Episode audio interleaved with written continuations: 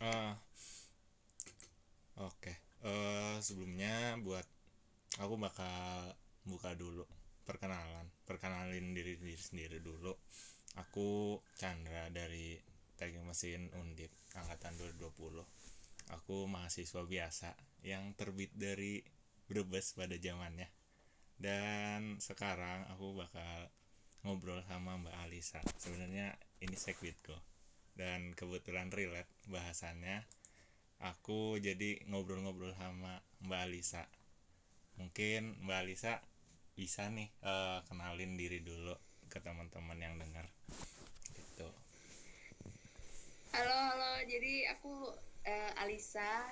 Aku Segbitnya Chandra ya. Seperti yang udah dibilang, aku Segbitnya Chandra dan aku sesama temen teknik. Cuman aku bedanya aku bukan teknik mesin ya, aku teknik industri. Undip juga nih 2019. Gitu aja sih ya kali ya mungkin. hmm, iya itu aja sih nggak apa-apa Eh, jujur aja ini aku juga baru itu sih Mbak baru bikin podcast lagi sebelumnya kan aku udah punya podcast kan dulu itu pun terakhir record SMA dan ini baru lagi sama Mbak jadi sama-sama baru Mbak Oke, saya agak deg-degan gitu ya. Ini ada bahas apa nih Chandra nih? Biasa biasa aja sih sebenarnya kayak ya eh buat teman-teman yang dengerin itu sebenarnya ini project itu sih Indonesia Leadership Project namanya dan ini bahas isu kepemudaan di mana eh, fokus utamanya untuk menghadapi demo, eh, bonus demokra demografi tahun 2030 dan kali ini bakal ngangkat peran generasi muda eh, di bidang digital education. Eh, nanti perannya itu gimana nanti fungsinya pemuda itu gimana buat Indonesia eh, bisa disimak sampai akhir. Bakalnya dapat sesuatu yang menarik di obrolan pada malam hari ini. Oke gitu aja sih. Asik. Oke. Memang sih bonus demografi itu jadi hits banget ya, karena apalagi di pandemi gini nggak kerasa nih ternyata anak muda nih ber memiliki peran yang besar ya, dan Hmm. ternyata di masa depan jumlah anak muda di Indonesia tuh sebanyak itu gitu. Jadinya ini isu yang sering sih di diobrolin gitu dan menarik untuk diobrolin. Menarik. Terus susah juga sih mbak sejujurnya. Eh, banyak sebenarnya Iya, banyak ya, PR iya. nggak sih mbak? Kayak selain eh, ini bonus demografi terus juga ada isu SDGs juga ramai juga tuh dibahas. Iya benar-benar benar. Ya, banyak banget. Setuju. jadi ya gitu sih. Eh kenapa kita bakal bahas itu? Pokoknya dipantengin aja. Eh aku juga awalnya itu kan mbak. Kenapa aku ngundang mbak buat jadi pembicara? Karena ya mbak juga geraknya di digital education ya. Dan kampusio kan mbak. Terus kira-kira nyambung lah ya dari topiknya. Jadi gitu sih mbak. Boleh boleh boleh. Jadi kebetulan eh, aku lagi sebenarnya merintis ya. Jadi sebuah eh, platform digital untuk edukasi di bidang edukasi gitu. Lebih tepatnya untuk teman-teman yang sekarang sedang mempersiapkan ke universitas nih. Jadi kita sedang merintis sebuah platform yang harapannya sih bisa bantu teman-teman ya gitu. Yang mungkin ba- yang mungkin kali ini dengerin nih podcast ini. buat apa tuh mbak? Gimana gimana gimana? platformnya apa tuh namanya? Ya, jadi aku bikin Kampusio, bisa dicek di kampusio dot eh, ada underscore at kampusio underscore. Itu di Instagram kita. Dan juga udah launch sih websitenya. Cuman memang baru banget launch. Jadi mungkin belum bisa dipakai. Mungkin teman-teman bisa kepoin aja di Instagramnya. Kampusnya punya website mbak? Iya punya, tapi memang baru banget launch sih dan belum semuanya itu functional gitu. Tapi udah bisa mulai kayak login sign up Wah. dan uh, untuk kebet- uh, untuk dalam beberapa bulan ini lagi mulai dikerjakan gitu. Hmm. untuk kontennya. Disimak aja teman-teman guys. Karena aku belum bisa spill di sini nih keren banget sih War. kirain IG-nya doang serius. Saya tahu ya. Iya, itu udah lama iya, websitenya udah mbak? ada websitenya. Websitenya baru banget ya. Jadi memang karena kampusnya itu kita baru bulan sekitar bulan Agustus itu kita baru ideasi ya baru mikir-mikir. Soal kampusio dan kebetulan kita juga ikut salah satu inkubator di Indonesia punyanya Pak Ahmad Zaki Foundation startup kampus itu suatu studi independen yang kerjasama dengan Kemdikbud Ristek eh, untuk melatih teman-teman yang tertarik di bidang startup untuk belajar di situ. Jadi aku awal mulanya dari situ dan karena aku masuk startup kampus nih kita dibina dan akhirnya salah satu outputnya kita mulai bikin produk yang kita tawarkan. Salah satunya kita bikin lewat website karena website ini lebih bisa diakses ya oleh teman-teman baik dari ponsel, dari tablet, dari PC, laptop gitu dibandingkan kalau misalnya kita mau develop aplikasi gitu. Makanya kita eh, pengen sekarang website gitu. Untuk awalnya sih Instagram dulu ya. Nanti overtime seiring waktu kita sambil juga eh, launch di websitenya gitu. Hmm. Oh ya, aku sebenarnya penasaran mbak. Eh, jadi kampusio itu ada sebelum mbak ikut startup kampus atau ikut startup kampus dulu baru kampusio ada.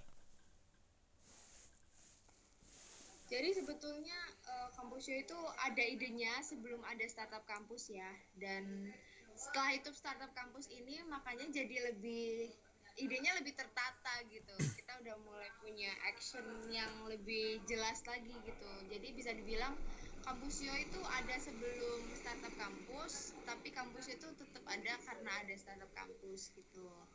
Karena kalau misalnya kita bener-bener struggle sendiri itu bakal lebih challenging, lebih tertantang gitulah. Wah, gitu. Nah, berarti awal mulanya emang dari startup kampus ya. Hmm, menarik. Terus eh, di startup kampus tuh emang apa ya? Diriin startupnya itu digital education semua tentang maksudnya tentang edukasi atau kayak mungkin ada semacam Gojek yang berbau-bau technopreneurship gitu mbak Jadi banyak banget ya untuk bidangnya. Tapi rata-rata memang platform digital. Karena sekarang digital itu kan sangat berkembang ya. Platform digital sangat berkembang. Sosial media juga semakin banyak orang yang pakai sosial media. Internet juga semakin banyak orang pakai internet. Jadi eh, di startup kampus sendiri timnya eh, usahanya itu memang berbeda-beda bidangnya. Kalau misalnya Kampusio dan beberapa startup lainnya itu bidangnya edukasi. Ada juga yang sustainable living, ada juga yang kuliner, fashion, olahraga, wellness gitu. Banyak banget bidangnya. Tapi satu hal yang sama di antara kita semua adalah kita semua memanfaatkan platform digital dan social media gitu. Kita semua walaupun nantinya bidangnya itu beda-beda tapi tetap pakai platform digital gitu. Aku aku dulu pernah itu sih mbak Eh, mbak tahu kan juga kan eh, aku pernah bikin aku tahu kan aku tahu Iya, iya. Kayaknya kita perlu ini deh ngobrol juga. Aku tahu. Aku tahu gimana tuh. Kan platform udah juga udah ya. lama itu sih udah lama hiatus aduh karena kesibuk Tentang apa tuh bahasnya? Eh, pada intinya eh, apa ya awalnya aku kemo- termotivasi sama eh, platform-platform edukasi lain sih mbak. Kayak kok bisa terus platform lain lah yang enggak serius-serius banget kayak ruang guru enggak kayak gitu.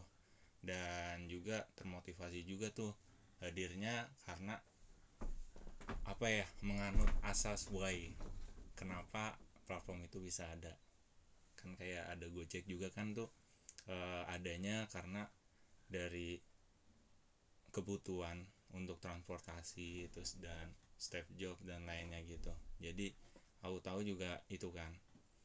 Eh aku pengen aku tahu itu menyediakan edukasi. Eh, nggak usah berat-berat. Kebanyakan orang tua juga kan biasanya menuntut anaknya itu untuk belajar dari buku. Tapi sebenarnya menurutku belajar itu nggak harus dari buku. Dari hal yang sederhana mulai didekati dari scroll IG mungkin. Terus dari itu baru tuh bisa dipantik. Dan niat juga awalnya aku juga mencerdaskan wah kalau ini gede banget sih tujuannya. Tapi oh itu Mimpi sangat lah ya. sangat noble ya. Mimpi sangat doang. noble. Mimpinya sih Sangat mencerdaskan. tapi ya nggak tahu sih nantinya. Dan niatnya sih aku juga nanti bakal pengen ke komunitas gitu sih mbak. Kalau kampusio itu gimana mbak alasan berdirinya gitu Nah ini menarik ya alasan berdiri. Jadi eh, kalau aku belajar di startup kampus, hal yang membuat eh, suatu platform digital bisa berpengaruh, memberi perubahan, salah satunya itu apa? Itu adalah problem solving. Itu menyelesaikan masalah. Dan setiap customer tuh pasti punya pain pointnya mereka sendiri. Kayak misalnya kamu bisa lihat deh banyak banget unicorn di Indonesia startup yang mereka sangat sukses dan pasti satu hal yang menjadi dasar mereka untuk terus berkembang adalah permasalahan customernya. hmm. Tuh. Gojek itu dan perubahan itu nggak harus dari hal yang besar loh. Hmm. Bahkan Gojek itu aku dengar ceritanya mereka bermula dari suatu customer service yang iya di mana Gojek itu mereka ada suatu kantor customer service orang telepon customer service-nya customer service-nya sambungkan ke ojeknya. Itu Iya. dari hal sederhana itu mereka memvalidasi oh benar nih memang di masyarakat itu ada permasalahan ini loh. Dan itu alasan suatu suatu platform, suatu startup, suatu usaha apa pun bisa memberikan pengaruh itu karena mereka bisa menyelesaikan permasalahan gitu yang terjadi di masyarakat gitu. Hmm. Jadi sebetulnya nggak harus suatu ide yang complicated gitu, tapi memang yang penting menyelesaikan masalah itu. Dan menyelesaikan masalahnya itu memang menyelesaikan masalah mereka Hmm. bukan masalah yang kita pikir mereka rasakan gitu. Jadi Hmm. kadang kan beda ya. Kita merasa oh customer tuh butuhnya ini loh padahal mereka butuhnya yang lain gitu. Sama juga kayak setiap startup atau setiap platform digital gitu. Kita harus balik lagi ke kebutuhan audiensnya kebutuhan customer mbak berarti pas mau membuat kampus yuk bikin kayak kuesioner kuesioner gitu atau terinspirasinya dari mana mbak? Jadi memang kita ada kuesioner kita memang sebarin kuesioner gitu dan kita olah juga datanya. Dan kita cari tahu banyak data. Kita juga tanya-tanya ke mereka dan pastinya kita tanya-tanya ke orang yang memang kita targetkan untuk pakai hmm. layanan dari kampusnya ini yaitu teman-teman dari kelas terutama kelas 11 sama 12 ya tapi secara Oh, umum ya anak-anak SMA. SMA teman-teman SMA gitu iya karena biasanya cari informasi kan mereka ya Iya. dan kita harus kuesioner bahkan nggak cuman produknya loh tapi cara marketing dan lain sebagainya itu memang kita harus balik lagi ke keinginan dan kebutuhan mereka gitu Hmm. sih menurutku Iya sih. Eh, kebanyakan sering banget ya. Aku ngelihat kayak eh, orang bikin sesuatu itu bukan karena mau menyelesaikan apa atau kenapa suatu organisasi itu ada tapi lebih ke tujuannya apa yang pengen dicapai. Akhirnya iya.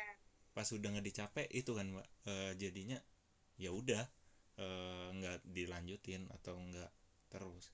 Tujuannya nggak kecapai. Iya benar. Karena kalau misalnya berdasarkan apa yang kita pikirkan itu bisa aja bias gitu. Hmm. Bisa aja bias kita pikir mereka butuh ini ternyata enggak gitu. Itu sih menurutku. Makanya selalu put audience or customer first. Gitu. karena gitu sih. Itu mungkin salah satu pelajaran yang berharga banget di startup kampus gitu. Itu sih kalau kalau menurutku. Mengikuti kemauan customer. Adalah kunci terus kampusnya itu bakal dibikin kayak apa mbak? Tujuannya? Jadi kampusnya itu Hmm. eh, kampusnya sendiri itu sebenarnya berawal dari keresahan ya. Karena Hmm. sebagai mahasiswa teknik gitu kita kan merasakan gitu ya. Ternyata eh, kita mikir teknik itu gini gini gini ternyata waktu masuk kok beda gitu ya. Kalau Chandra mungkin ngerasain apa enggak nih? Apa aku doang ya? Ngerasain lah pasti ngerasain. Iya kan? Iya. ngerasain. Misalnya kalau aku industri aku di teknik industri aku hmm. dan beberapa teman-temanku kaget gitu. Di teknik industri kok bisa ada sih? Mata kuliah ekonomi. Kita belajar akuntansi. Di mana itu IPA dan bahkan gak masuk ke tes perguruan tinggi loh. Kita perguruan tinggi saintek kan nggak pakai akuntansi dan lain-lain ya. Bahkan banyak teman-teman aku yang di SMA nggak dapat ekonomi. Kebetulan aku Hmm. dapat ekonomi jadinya nggak terlalu kaget sama akuntansi dan ekonomi suku bunga dan lain-lain gitu. Tapi banyak banget teman-teman yang kaget gitu kan.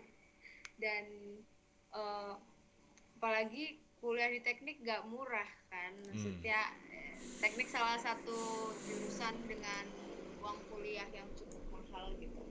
Dan pernah kepikiran gak sih kalau misalnya udah ngabisin empat semester nggak cocok terus harus ganti harus pindah universitas mulai dari awal itu kan mahal ya Iya. costly gitu aku pernah kepikiran salah- iya pernah kepikiran Iya. kan itu kayak padahal sayang gitu biaya yang udah dikeluarin dan waktunya gitu sayang kan hmm. Nah itu mungkin sih. Kalau di teknik mesin ada ada beda nggak sama ekspektasinya gitu?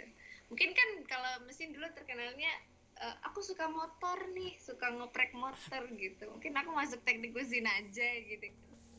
sebenarnya eh, kalau yang lain tuh banyak yang mikir kayak gitu eh, dari orang-orang lain yang teman-temanku yang salah ekspektasi kayak gitu tapi kalau buat aku pribadi yang basicnya emang suka apa ya pelajaran eksak dan cenderung menghindari kimia eh ternyata di mesin ketemu kimia banyak banget waduh ya gitulah akhirnya beda ekspektasinya di situ sih kalau aku Iya. pribadi Iya, jadi eh, itu salah satu adanya kampus ya sih. Jadi kita pengen eh, teman-teman tuh nggak masuk ke jalan yang salah lah. Nggak harus salah jurusan ya. Nggak harus salah jurusan. Tapi nggak kaget di universitas gitu kan bisa Hmm. cepet adaptasi gitu. Terus bisa salah satunya juga tahu jurusan dan lebih siap untuk masuk jurusan. Lebih tahu kira-kira kalau kita mau masuk jurusan ini kita harus siap-siap apa sih gitu kan. Gitu sih kalau dari aku. Terutama karena aku lihat salah satu masalah di pendidikan sekarang itu adanya gap informasi ya. Jadi Hmm. berdasarkan riset yang teman-teman di kampus Yo lakukan kita baca ada jurnal dan itu bilang kalian salah satu faktor dari teman-teman salah satunya bisa salah jurusan tuh karena adanya gap informasi. Gap informasi itu gimana? Jadi pernah nggak sih Chan kalau misalnya mau masuk jurusan tuh kamu tanya-tanya ke orang gitu terus di BK itu kadang berfokus ke nilai. Hmm, oh Betul. nilai kamu cukup nggak nih ke teknik mesin? Nilai kamu cukup nggak ke teknik industri? Tanpa bicarain soal nantinya kamu sendiri bakal cocok nggak di situ Iya. gitu. betul. Sendiri bakal masuk nggak di situ dan apakah itu sesuai dengan yang kamu mau gitu. Soalnya banyak banget jurusan yang dilihat itu prestige-nya gitu kayak misalnya oh wah masuk ini wah masuk jurusan itu. Padahal belum tentu itu cocok buat kita dan memang apa yang kita mau gitu. Itu sih mungkin salah satu alasan kampusio ya mungkin tadi udah cerita hmm, alasan platform digitalnya Chandra sekarang. Alasannya kamu sih gitu. Aku setuju banget sih mbak yang itu tadi BK Eh, kebetulan juga itu kejadian di aku sendiri kayak ya emang sekolah ya. juga gitu mbak. Apa ya? Sekolah lebih mentingin ya nilai nanti eh, siswanya itu lolos di PTN tertentu dan bagusin alumni. Tanpa memperhatikan ya itu cocok buat itu atau enggak. Eh, aku juga kan kayak "Eh, kamu di sini aja eh, pasti masuk kok dan berdasarkan pasti masuk atau enggaknya. Dan kebetulan teman-temanku juga banyak yang kayak gitu. Akhirnya tahun kedua banyak tuh yang salah jurusan juga tuh. Akhirnya pindah.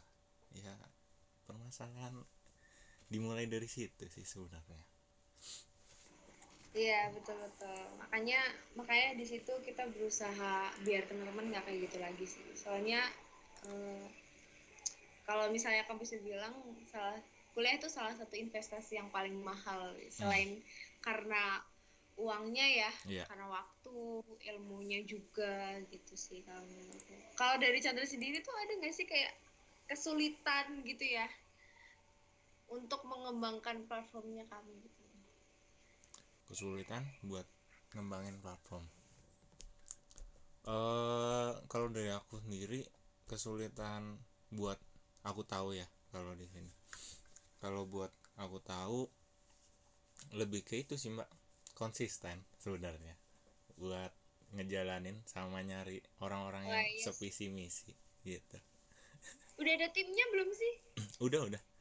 Eh, kemarin juga habis rekrut kan. Ya lumayan sih wah mantap mantap mantap. Selamat ya. Sukses terus. Tapi emang permasalahan gitu doang sih mbak. Kayak apa ya Iya, nyari orang yang sevisi misi itu susah banget pasti iya Iya. betul betul Hmm. dan itu pun dibahas kemarin di startup Oh, dibahas. berdasarkan bahas loh Hmm. salah satu hal yang sangat bahkan dibilang sangat sulit ya Hmm. itu adalah mencari talent mencari orang yang nggak cuman bagus di skillnya tapi juga satu visi dengan kita satu value satu nilai dengan kita alasannya kenapa banyak startup atau unicorn yang mereka saat hiring itu susah gitu Hmm. waktu hiring itu Betul. susah bahkan aku pernah ngobrol sama eh, salah satu orang di Agate itu salah satu startup di bidang gaming gitu bidang gaming dan dia cerita kalau misalnya mereka sengaja untuk membuat sistem hiring yang memang challenging. Karena mereka pengen ngetes dua yaitu skill sama nilainya mereka tuh cocok apa enggak. Hmm. dan memang itu salah satu isu sih eh, di startup. Kalau misalnya memang mau mengembangkan startup pastikan tuh memang orangnya nggak cuman punya skill tapi juga satu misi gitu. dan itu memang susah banget sih untuk dicari gitu kan. Gitu sih. Bener banget sih. Eh, aku juga percaya banget. Kayak aku juga sebenarnya pernah gagal mbak. Eh, dulu pernah bikin itu. Bumi bumi ayu astro club. Itu tingkatnya wilayah gitu sih mbak. Eh, kelas 10 aku bikin eh nggak nyampe satu tahun terus akhirnya bubar. Dan karena ya nggak ada sevisi misi gitu.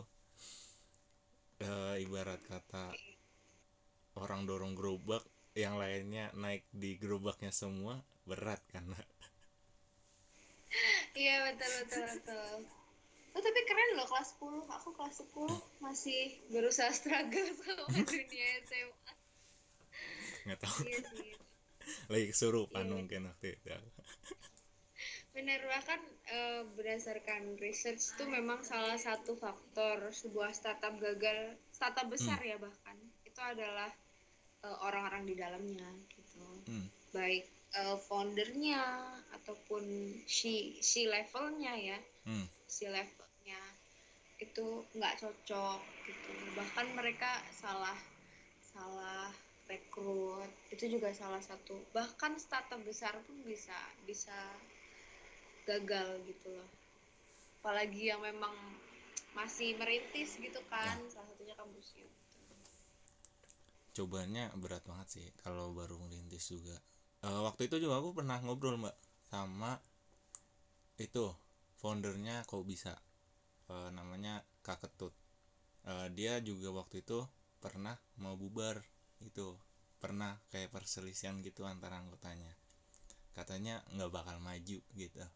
Terus akhirnya eh, sempet break berapa lama dan akhirnya kak ketut itu tetap ngusahain dan pada idealismenya akhirnya nyari orang-orang baru terus yang sevisi misi itu akhirnya nyampe yang sekarang.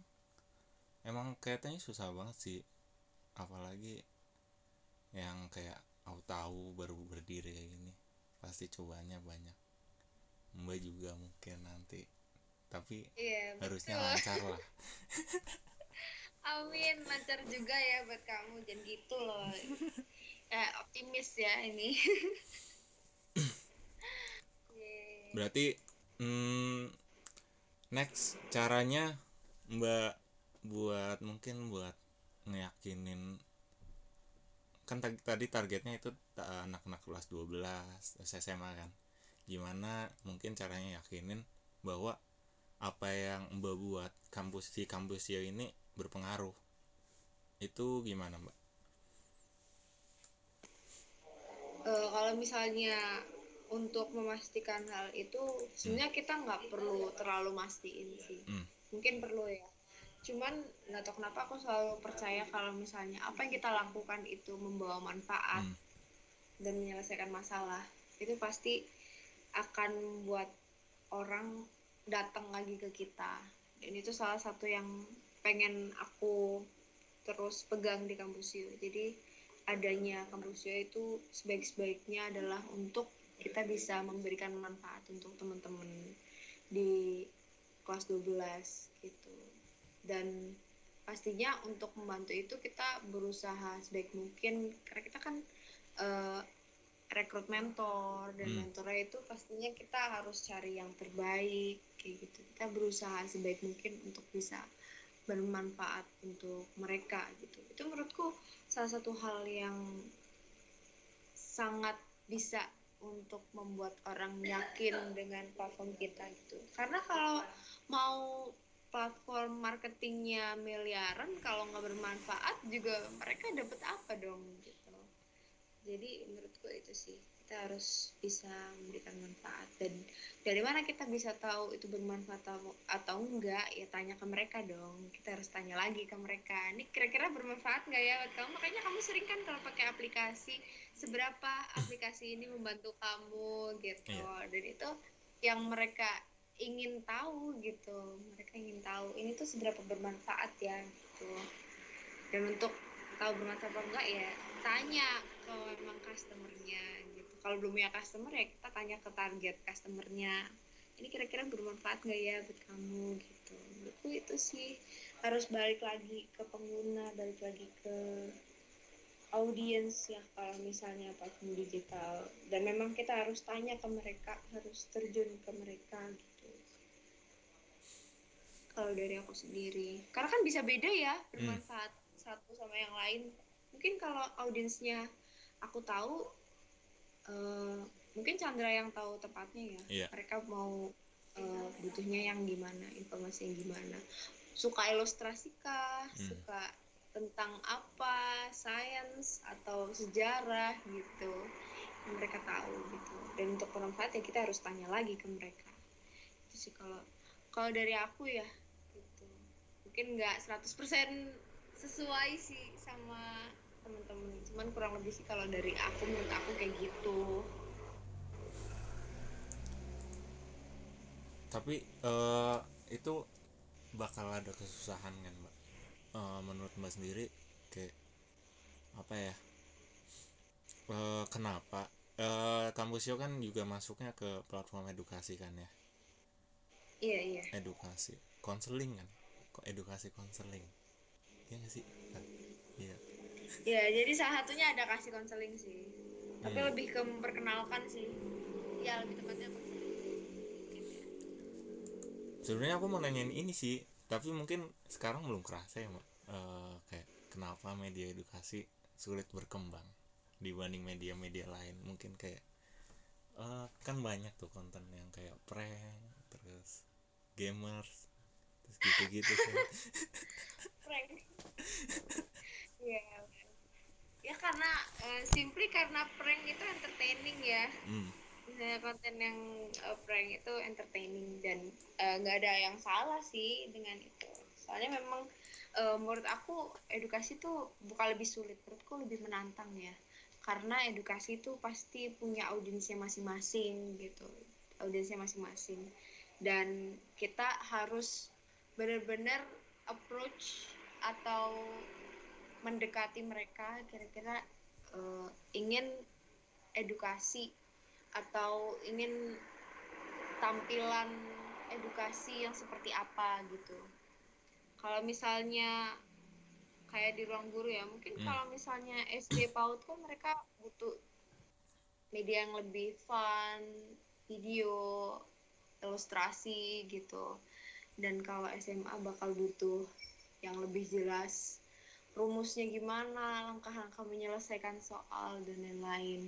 Menurut aku tantangannya di media edukasi itu memang kita harus tahu betul audiens kita.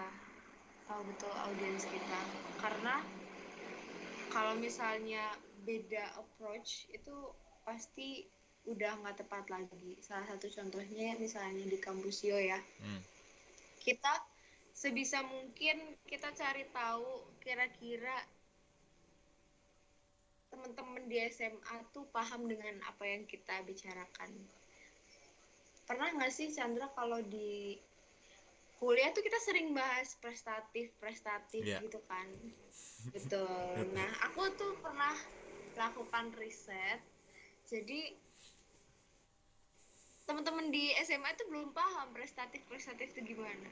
Jadi bahkan sampai sekecil diksi pun itu berpengaruh loh untuk eh, sebuah media edukasi. Makanya di kampusnya lebih sering eh, kita lebih sering menggunakan berprestasi daripada prestatif. Ya nggak sih bahkan sekecil diksi itu sangat berpengaruh gitu di media edukasi. Dan Benar. harus aku juga nggak tahu loh mbak bedanya prestatif sama prestasi prestatif itu lebih ke sifat kan? Lebih ke Ah. sifat kemudian eh, semangat daya juang prestatif gitu. Jadi makanya kita lebih suka lebih approach eh, teman-teman misalnya oh kenalkan mentor kita yang berprestasi gitu kan. Langsung paham kan? Oh ya berprestasi gitu. Eh kalau saya mentor-mentor prestatif gitu belum tentu teman-teman di SMA paham gitu. Kan aku sendiri pernah tanya ini kalian paham nggak? Dan ternyata masih ada yang ini apa sih? Aku nggak ngerti sama yang dibicarain gitu. Itu sih menurut aku salah satu tantangan media edukasi kita harus benar-benar tahu audiens kita seperti apa. Dan pastikan yang memang kita tampilkan dalam platform dan media itu memang apa yang mereka butuhkan. Hmm. dan kita harus sedekat mungkin dengan gaya komunikasi mereka gitu loh. Karena Iya. kita kan betul. udah dibilang aku nggak kerasa ya ternyata tuh sudah tiga tahun lulus SMA gitu. Dan kayaknya aku udah nggak satu satu generasi dengan mereka. Jadi kita kayak ternyata beda gitu ya cara komunikasinya itu udah beda Betul. gitu loh. Dan itu yang harus di cari tahu sih apalagi misalnya Chandra Hmm. bikin aku tahu dan audiensnya teman-teman SD kan udah Iya. beda lagi kan generasinya dan kita harus tahu kira-kira eh, menggunakan bahasa pilihan kata yang mereka itu memahami dan mereka bisa fun seneng kalau misalnya lihat platform kita gitu itu menurut aku sih tantangannya aku pernah itu loh ya. Pernah debat sama tim. Itu gara-gara itu debat tentang bahasa. Eh, sama gimana tuh? sama itu content writernya. Eh, dia penganut yang KBBI banget.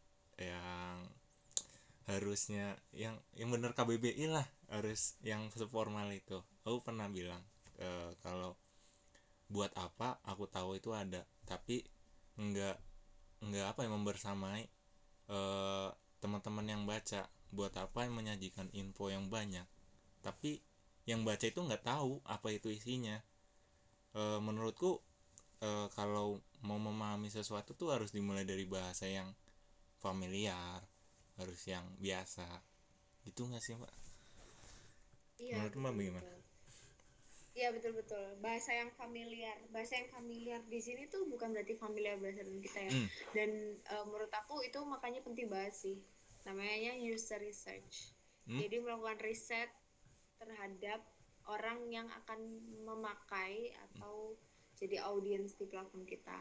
Jadi bisa aja tuh dari eh, mungkin caption yang Chandra buat sama content writer buat terus dirisetkan tuh kira-kira dari seribu teman-teman audiens kira-kira prefer yang mana gitu itu nanti bakal bakal mulai kelihatan tuh bahkan bisa loh sebelum kalian upload terus kalian tanya dulu nih ke Hmm. teman-teman misal yang usianya eh, di bawah kalian teman-teman SMP, teman-teman SD gitu tanya kalian paham nggak? Itu makanya salah satu rule yang mungkin penting banget untuk sebuah platform digital harus cari tahu audiensnya dan ini salah satu yang penting adalah grandma rule. Jadi grandma rule itu adalah salah satu aturan yang digunakan misal gini Chandra jelasin cara upload foto ke Instagram Hmm. tapi jelasin ke neneknya Chandra nah cara atau kalimat yang Chandra pilih buat neneknya Chandra itu yang disebut grandma rules gimana caranya menjelaskan sesuatu sesederhana mungkin sampai nenek kita pun paham. Itu yang namanya grandma rule dan itu menurutku salah satu hal yang sangat menarik dan sangat penting ya. Tapi nggak semuanya harus dibuat sederhana ya. Mungkin Hmm. ada platform misalnya platform di bidang fintech yang memang pakai istilah-istilah fintech gitu cuman memang untuk platform yang ditujukan untuk teman-teman yang lebih awam ke arah awam itu sangat penting tuh. Eh, penting banget. Salah satunya grandma rule gimana caranya kita bisa menjelaskan sesederhana mungkin sampai nenek kita pun paham gitu. Karena kan kadang kita suka belibet ya. Iya. misalnya ini Chandra figur prestatif gitu. Mungkin nenek kita nggak paham apa itu sih figur prestatif gitu tapi kalau Chandra berprestasi banyak menang lomba nah itu kan paham oh iya nenek kita paham gitu itu sih salah satu hal yang mungkin menarik ya gitu salah satu aturan yang menarik Figur marul. Apa tadi mbak? Figur marul ya. grandma rule Oh, eh, grandma rule. grandma grandma rule Baru tahu. grandmother Oh, iya itu salah satu mungkin bisa bisa baca baca tuh soal grandma rule Aku taunya yang itu mbak, yang itu doang sih itu cara belajar sih, yang disuruh jelasin ke anak kecil. Eh beda oh ya? iya bisa juga bisa juga jadi eh, bahkan aku pernah baca salah satu eh, salah satu quotes ya. Jadi kalau kamu nggak bisa menjelaskan dengan sederhana kamu Hmm. tidak paham sama sekali gitu. Itu salah satu hal yang menarik juga dari apa yang kita eh, pelajari misal. Kalau kita bisa jelasin ke anak kecil dan anak cewek paham Nah. berarti kita paham gitu. Itu sih menurutku. Jadi penting mengetahui apa ya tujuan kita itu ke mana? Eh, singkatnya Iya, jangan mau dibilang tulisan kita luar biasa karena kita harus biasa. Biar bisa dinikmatin juga sama orang-orang biasa eh iya Ada. Hmm. sih kurang lebih ya. Nggak 100% mutlak loh ya. Iya. Buat teman-teman yang baca nggak 100% mutlak. Itu sangat eh, bergantung sih sama platform teman-teman apa. Kalau misalnya platform teman-teman itu memang audiensnya teman-teman yang udah berumur. berumur berusia dan mereka punya bidang keahlian tertentu dan memang ditujukan untuk profesi tertentu ya it's really okay untuk pakai diksi-diksi. Misalnya audiensnya mahasiswa teknik gitu. Ya nggak apa-apa banget pakai diksi-diksi soal teknik gitu kan karena ilmu pengetahuan. Gitu. tapi kalau mau ngajarin cara pakai aplikasi A untuk pemula nah itu yang harus diperhatikan.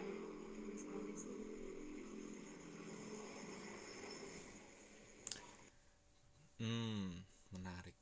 Terus ada lagi yang susah? Yang susah memulai Ah, memulai Betul. suatu perubahan. Memulai apa ya? Kayak mbak memulai kampus yuk Eh, kadang ya kadang tuh orang banyak tuh yang menyadari bahwa misal eh, kalau kamu sio kan berawal dari keresahan yang banyak salah jurusan gitu kan singkatnya. Eh, kadang orang menyadari itu tapi nggak mau memulai Eh, menurutku itu keresahan banget sih di mana orang-orang takut eh, lebih mementingkan apa ya memikirkan tepatnya. Kalau aku buat nanti eh, biasanya gagal atau gimana gitu itu kayaknya memulai kayak gitu susah banget sih. Iya betul. Mulai gitu pasti susah sih pasti akan susah nggak akan mudah bahkan Pak Nadim bilang kalau misalnya eh, salah satu hal yang paling painful itu founder sih. Hmm. founder itu sangat sangat painful gitu.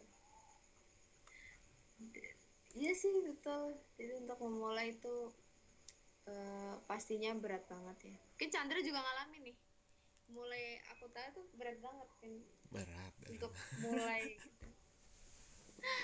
Untuk mulainya aja udah berat gitu apalagi konsistennya itu juga salah satu yang berat lagi. Berat banget sih mbak. Ya walaupun di itu ya di di kuliah kan sering tuh mahasiswa sebagai agen of change. Tapi buat menjadi agen itu susah banget. Eh, menurutku juga dan beberapa teman-temanku yang curhat-curhat begitu. Hmm, menurut mbak hmm, gimana? Apa yang harusnya mahasiswa lakukan? Itu idealnya gimana? Buat buat apa ya? Membawa perubahan. Yang predikat predikatnya itu sebagai akademisi. Idealnya mahasiswa itu harus ngelakuin apa sih mbak sebenarnya? Eh, berat banget ya kalau udah bawa eh, mahasiswa sebagai akademisi Hmm. gitu. Eh, menurut aku memang untuk perubahan itu sendiri yang pertama kita harus lebih peka sama permasalahan yang terjadi di sekitar kita gitu. Kalau kita nggak peka kita nggak bisa dong untuk make something do something. Hmm. jadi at least pertama tuh harus peka dulu sama permasalahan di sekitar kita.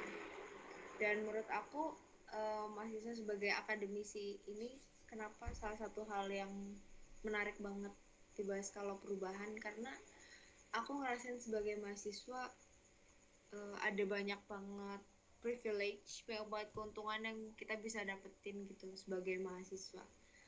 Ada banyak banget program atau fasilitas infrastruktur yang kita dapatkan dan itu sangat berguna ke depannya salah satu halnya tuh aku join startup kampus. Mungkin kalau misalnya aku harus mulai dari awal uh, kampusnya sendirian aku sama partnerku mungkin akan ngerasa berat dan gagalnya itu bakal lebih banyak. Tapi dengan uh, kita ikut startup kampus kalaupun kita gagal kita udah dikasih gambaran dari awal. Kita udah dikasih dasarnya dari awal. Kita juga dipertemukan dengan teman-teman dan mentor dan speaker dan yayasan yang sangat siap untuk bisa bantu kita dan bisa kasih input untuk kita. Jadi setidaknya kalau jatuh pun kita jatuh di atas awan gitu wis. Yes. jadi itu ya kalau menurutku uh, salah satu uh, mahasiswa sebagai akademisi itu menurutku harus dimanfaatkan apa yang ada di sekitar kita. Karena Indonesia pemerintah itu sangat mendukung akademisi di Indonesia. Dan itu merupakan salah satu hal yang kita sebagai mahasiswa harusnya bisa manfaatkan. Mungkin langkah dalam memulai itu bakal berat tapi setidaknya kalau kita mulai bersama-sama kita mulainya sambil belajar kita mulainya punya mentor atau mungkin bisa kenal sama teman-teman yang bisa kasih kita input hmm. itu akan lebih sedikit lebih ringan gitu. Itu sih menurutku. Mungkin kalau gagal juga ya sakit tapi mungkin nggak sesakit saat kita nggak tahu sama sekali gitu menurutku itu sih dan mungkin memang tetap akan berat ya walaupun masih sebagai akademisi untuk memulai tapi setidaknya kita punya banyak pilihan kita punya banyak hal yang kita bisa manfaatkan peluangnya untuk membuat kegagalan untuk meminimalisir kegagalan meminimalisir painfulnya kita saat hmm. memulai suatu platform startup or anything gitu. Itu sih menurutku. Kalau misalnya Chandra sendiri gimana nih? Kira-kira di Indonesia perubahannya tuh kenapa sih bisa susah banget gitu? Dan kira-kira langkahnya kenapa nih? Apa yang penting gitu biar mahasiswa mulai gitu kalau dari aku sendiri sebenarnya balik lagi sih mbak ke permasalahan awal tadi. Menurutku kenapa Indonesia yang perubahannya itu lambat atau cenderung uh, kurang cepat lah ya ibaratnya. Uh, itu lebih ke peran orang-orang atau mungkin pemudanya. Uh, kalau di bahasan sini mungkin mahasiswanya. Itu lebih kayak mereka itu sebenarnya peka tapi mereka nggak berani aja buat ngambil resikonya atas apa yang mereka ambil. Mereka terlalu ber apa ya berpola berpola kepada hasilnya. Kayak kalau aku buat kayak gini ah paling juga ujung-ujungnya gagal. Ah paling juga ujungnya uh, gitu. Balik lagi ke mindset uh, orang-orang yang ada di di sana di luar sana yang pengen ngebuat tapi nggak itu. Dan juga banyak juga uh, orang yang nggak apa ya kurang suportif kepada apa yang udah ada gitu. Biasanya nih uh, kebanyakan mungkin udah menjadi adat ya di Indonesia ini. Kayak kalau ada sesuatu yang baru uh, itu biasanya di komen uh, uh, kayak misalnya apa ya? Ada bikin seseorang itu bikin sesuatu yang baru uh, startup yang baru kayak ah uh, paling itu nggak bakal jadi. Uh, ah gitu doang aku juga bisa. Ataupun yang lainnya. Uh, Indonesia itu kebanyakan ngejudge ya. Mungkin ini dari sudut pandangku doang ya. Tapi uh, dimulai itu kenapa aku bisa berkata seperti itu? Aku juga ada pengalaman di mana aku juga dari awali kayak gitu buat kayak gitu. Buat organisasi yang tadi Bumi Astro Club. Uh, terus aku tahu sering yang kayak paling nggak jadi paling kayak gitu dong. Uh, dari uh, habit orang-orang sekitar yang cenderung gak suportif itu membuat pola pemikiran baru. Pola pemikiran baru di mana orang-orang sekitarnya itu ikut merasakan bahwa hmm, apa yang mereka buat itu bakal nggak guna nantinya atau nggak berhasil. Jadinya uh, kita nih sebagai pemuda-pemuda juga biasanya udah underestimate sehingga itu juga menghambat ide-ide baru atau inovasi-inovasi baru itu dikeluarkan atau bahkan bisa direalisasikan gitu sih menurutku hmm, gitu sih iya memang hal baru tuh bakal banyak banget orang yang pro dan kontra ya hmm. gitu. kayak misalnya sekarang adanya segala sesuatu yang berbasis online itu pasti uh, selain ada komen ada hmm. juga uh, ya mungkin orang-orang yang kontra ya cuman balik lagi sama tujuan kita sih kita yeah. mau iya. kasih manfaat apa untuk siapa gitu gitu sih kalau kalau menurut aku dan memang uh, orang yang skeptis tuh pasti ada ya hmm. pasti akan ada orang yang skeptis tinggal gimana cara kita untuk bisa meyakinkan bisa uh, dari hal-hal skeptis itu itu jadi input yang baik untuk kita ke depannya gimana? Misalnya apa sih bedanya kalian sama yang udah ada? Itu hmm. bisa jadi salah satu input value proposition kita terhadap platform-platform yang sejenis kayak gitu. Itu memang salah satu input yang penting sih untuk dicatat betul. Uh, menurutku juga uh, apa ya orang-orang yang peka uh, terhadap sebuah perubahan itu dimulai dari yang suportif sih mbak. Kayak sederhana mereka yang mengapresiasi orang yang membuat hal baru yang nggak ada sebelumnya itu itu menurutku sesuatu yang orang peka terhadap perubahan yang kiranya nanti bisa nih bisa membantu perubahan itu cepat uh, untuk mencapai suatu goalsnya. Menurut mbak sendiri uh, mungkin dalam konteks ini mahasiswa uh, mahasiswa yang kayak apa sih yang peka khususnya dan nggak buta akan suatu perubahan gitu mbak? Oh, mahasiswa yang peka. Wah ini berat banget ya. Hmm. mahasiswa yang peka terhadap uh, perubahan. Yang jelas kita harus selalu up to date. Dan justru kita harus terus mempertanyakan ya. Kalau menurut aku nih harus terus mempertanyakan kira-kira ada hal yang masih kita perlu bisa perbaiki atau enggak. Dan itu salah satu hal yang penting di program studiku ya. Itu salah satu hal yang penting di program studiku. Jadi aku belajar di teknik industri itu selalu diajarin namanya continuous improvement. Hmm. jadi hal apa yang bisa kita perbaiki dari keadaan yang udah ada? Karena justru ya rasa nyaman kita sama kondisi yang sekarang inilah yang menghambat perubahan itu terjadi. Ya gak sih? Hmm. semakin orang nyaman kalau orang ada merasa hal yang gak nyaman itu malah bisa jadi suatu input suatu hal yang oh ini kita harus solve.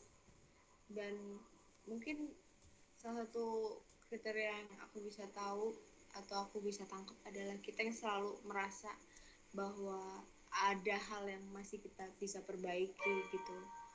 Mungkin yang tadinya nggak efektif kita bisa ubah jadi lebih efektif. Misalnya hal yang tadinya buang-buang uang kita bisa jadi lebih hemat. Itu mungkin salah satu hal yang hal kecil yang buat kita tuh lebih peka sama perubahan itu apa? Kita lebih peka dengan hal-hal yang nggak nyaman di hmm. sekitar kita gitu. Sekecil di sekitar kita dan kalau mau lebih besarnya lagi apa yang terjadi di masyarakat gitu. Apa hal yang besar yang terjadi di masyarakat yang jadi keresahan setiap tahunnya bisa dibilang atau mayoritas orang di Indonesia gitu. Dan yang paling penting kalau udah peka sama sesuatu yang jadi permasalahan yaitu adalah bisa mulai dengan sebetulnya nggak harus semua orang mulai platform kok. Hmm. nggak semua orang harus mulai startup. Tapi dalam hal-hal yang gak nyaman itu kira-kira kita bisa lakukan apa sih gitu. Dari situ untuk lebih besarnya lagi ya bisa sesuai dengan apa yang teman-teman cita-citakan. Mungkin ada yang platform startup dan lain sebagainya. Ada juga yang volunteer. Itu sangat sangat bergantung sama teman-teman gitu. Jelas perubahan itu nggak harus selalu besar tapi kalau nantinya besar itu bisa bagus. Hmm. yang jelas perubahan itu harus terus ada dan dimulai dari satu orang yang nantinya kumulatif nanti lama-lama semua semuanya itu akan jadi lebih baik gitu. Karena perubahan tuh memang eh, nggak bisa kalau nggak dimulai tapi nggak bisa juga kalau hanya satu orang. Hmm, betul. Itu kalau menurut aku. Eh sejak banget ya setuju banget sih. enggak ya aku enggak enggak gitu. Cuma pendapat sih. Iya. gitu. Tapi emang kenyataannya gitu sih mbak. Eh, setuju banget buat pernyataannya mbak. Dan ngomongin pekan nih. Eh gimana menurut mbak tentang ya mungkin pendidikan di Indonesia? Itu gimana? Dan kira-kira yang dibutuhin kita nih eh, buat pendidikan Indonesia itu apa yang bisa kita berbuat? Kalau ada kurangnya ya. Kalau enggak ya kita nggak ngelakuin apa-apa mungkin bisa ya. Menurutku kalau pendidikan tuh di Indonesia masih banyak banget PR-nya ya. Ngeri nih kalau kita udah ngerasa nyaman. Berarti kan Hmm. nggak ada yang diperbaharui nih. Iya dan kalau misalnya dilihat sekarang ya dengan aku jadi mahasiswa sebetulnya pendidikan itu sangat luas ya. Apalagi internet sekarang tuh udah semakin semuanya semakin mudah diakses. Mayoritas orang di Indonesia bahkan udah punya ponsel. Hmm. dan banyak di antara kita yang udah punya laptop. Dan banyak yang udah bisa akses sosial media dan lain-lain. Dan pendidikan itu sebetulnya sangat mudah untuk diakses tapi di Indonesia tantangannya itu ada banyak dari sumber daya manusianya Hmm. dari infrastrukturnya dari hal-hal kecil yang ada di Indonesia infrastrukturnya tuh bisa dari secara fisik sekolahnya bisa Hmm. juga dari internet yang memang belum tersedia di mana-mana pendidikan eh, itu salah satu permasalahannya di situ. Kalau misalnya di Indonesia sumber dayanya sudah sumber daya guru udah makin eh, baik dan juga internet makin baik pasti gap di antara pendidikan itu bisa diperkecil seminimal mungkin gitu. Karena aku pun ngerasain ya aku pernah main ke satu daerah dan di situ nggak ada nggak ada internet gitu. Berarti kan pendidikan di situ sangat bergantung pada sumber daya manusia. Dalam hal ini Hmm. guru orang tua teman tetangga gitu. Lain kalau misalnya udah accessible. Dan pendidikan itu masih sangat penting untuk menekankan siswa untuk sangat mengetahui tentang dirinya sendiri. Karena sekarang apalagi yang sangat baru-baru ini dibicarain ya yang katanya IPA IPS Hmm.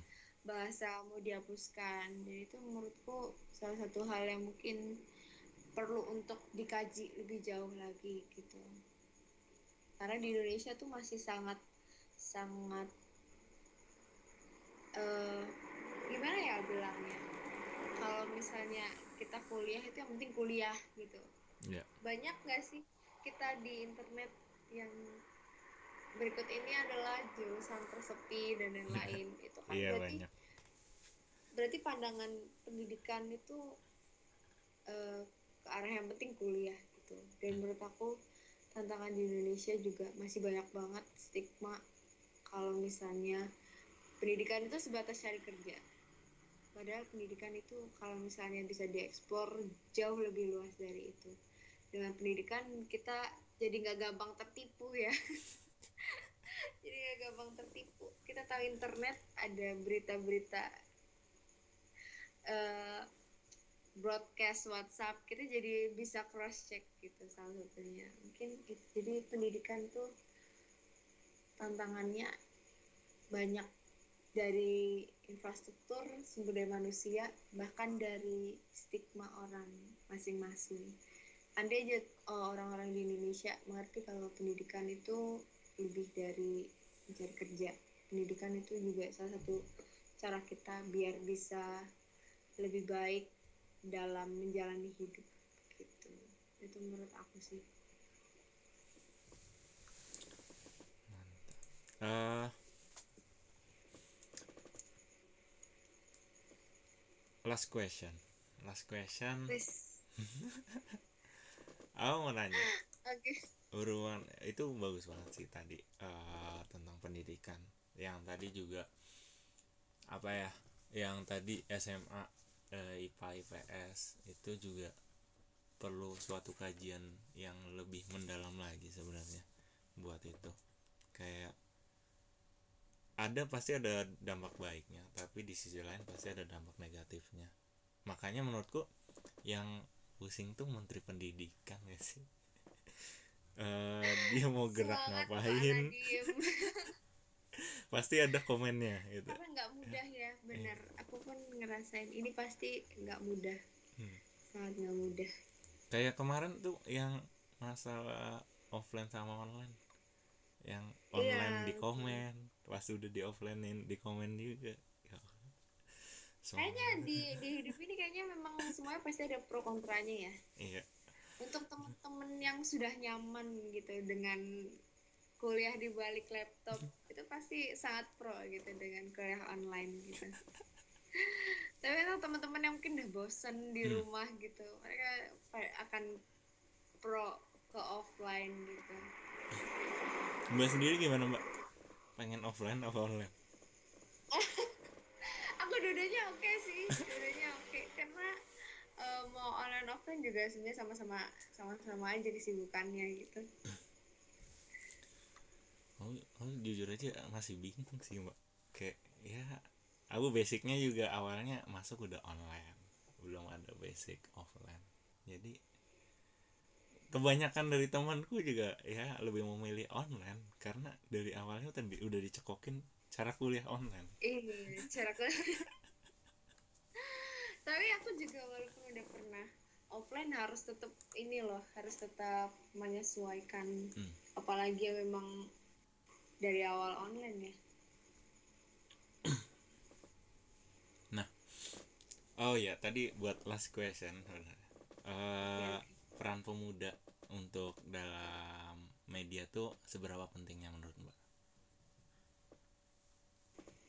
Wah menurut aku kalau bicara peran pemuda ya, karena yang kita udah bicarain di awal tadi, hmm. di Indonesia tuh di beberapa tahun yang akan datang mengalami bonus demografi, yang mana generasi kita nih Gen Z itu akan jadi generasi yang mendominasi di Indonesia.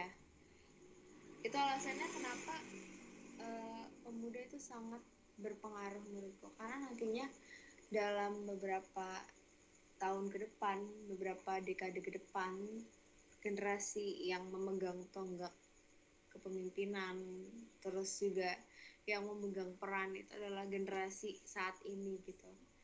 Itu makanya alasan kenapa uh, pemuda dalam media itu juga sangat penting. Apalagi di saat ini pemuda udah semakin mahir kan menggunakan teknologi internet. Dan itu menurutku alasan peran pemuda itu sangat penting di adanya media ini. Karena kalau misalnya kita nggak pegang peran di media bakal siapa lagi kan Hmm. di masa yang akan datang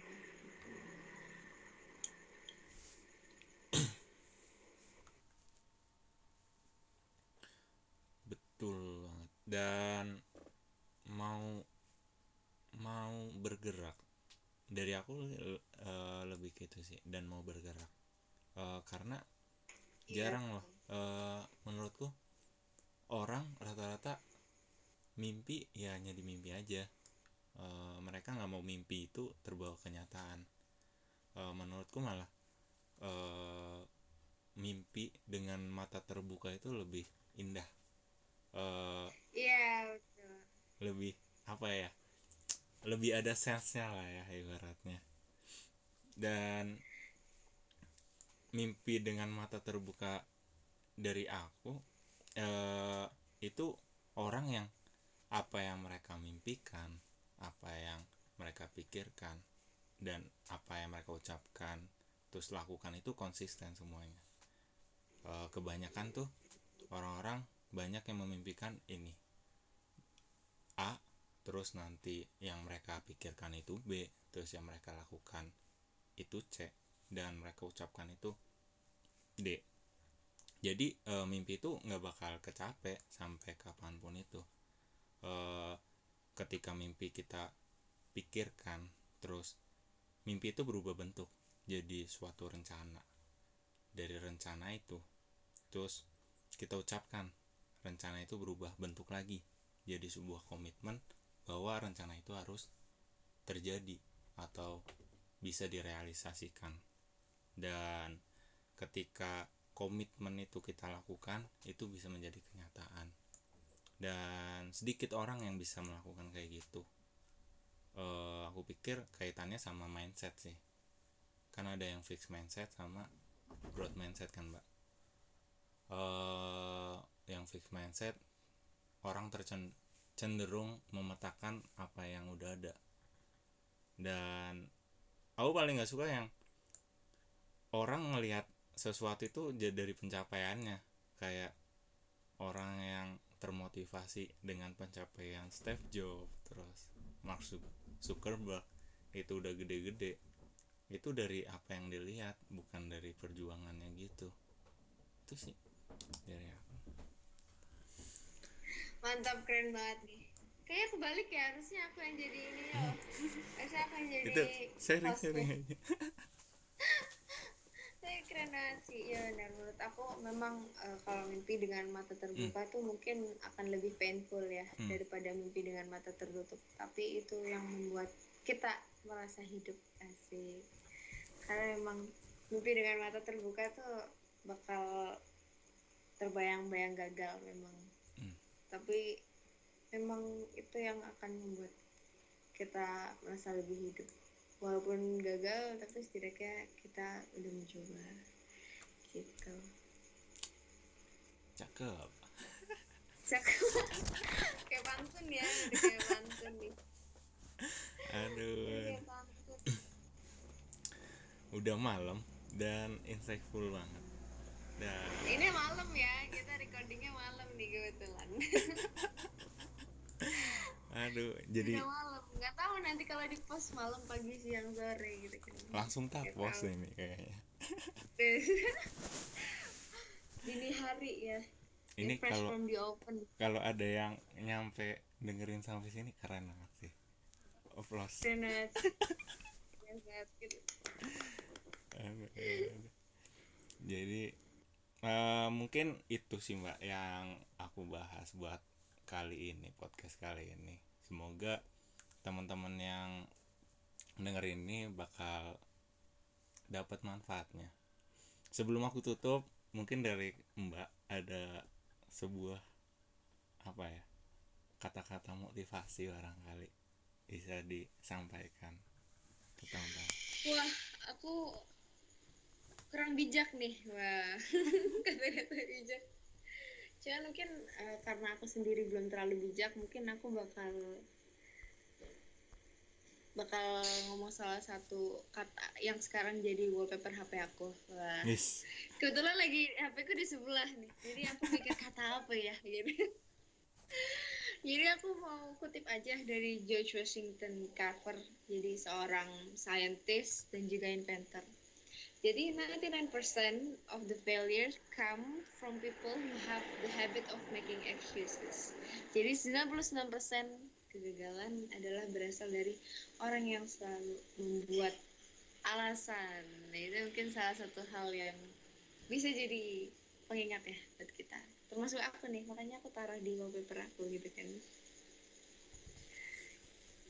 Gitu. Ada lagi?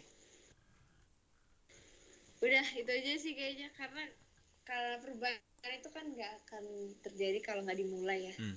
dan salah satu alasan kenapa ada gagal dalam memulai itu karena kita tahu alasan oh ini nanti nggak berhasil nih. Oh ini gimana ya nanti? Oh ini nanti gimana ya gitu. Itu salah satu. Ya kita udah bicarain tadi lah. Tuh, mulai guys. Jadi intinya. Dan jangan lupa follow kampus yo tentunya dan ikut startup kampus. Enggak ada yang- sebenarnya banyak cara buat jadi pemuda yang peka.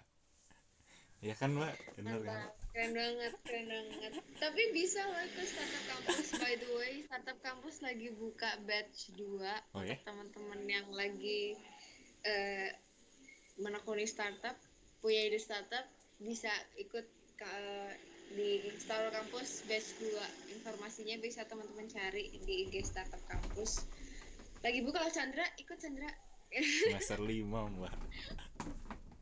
Oh iya semester 5 ya. Jadi sekarang siapin dulu idenya untuk teman-teman semester 5.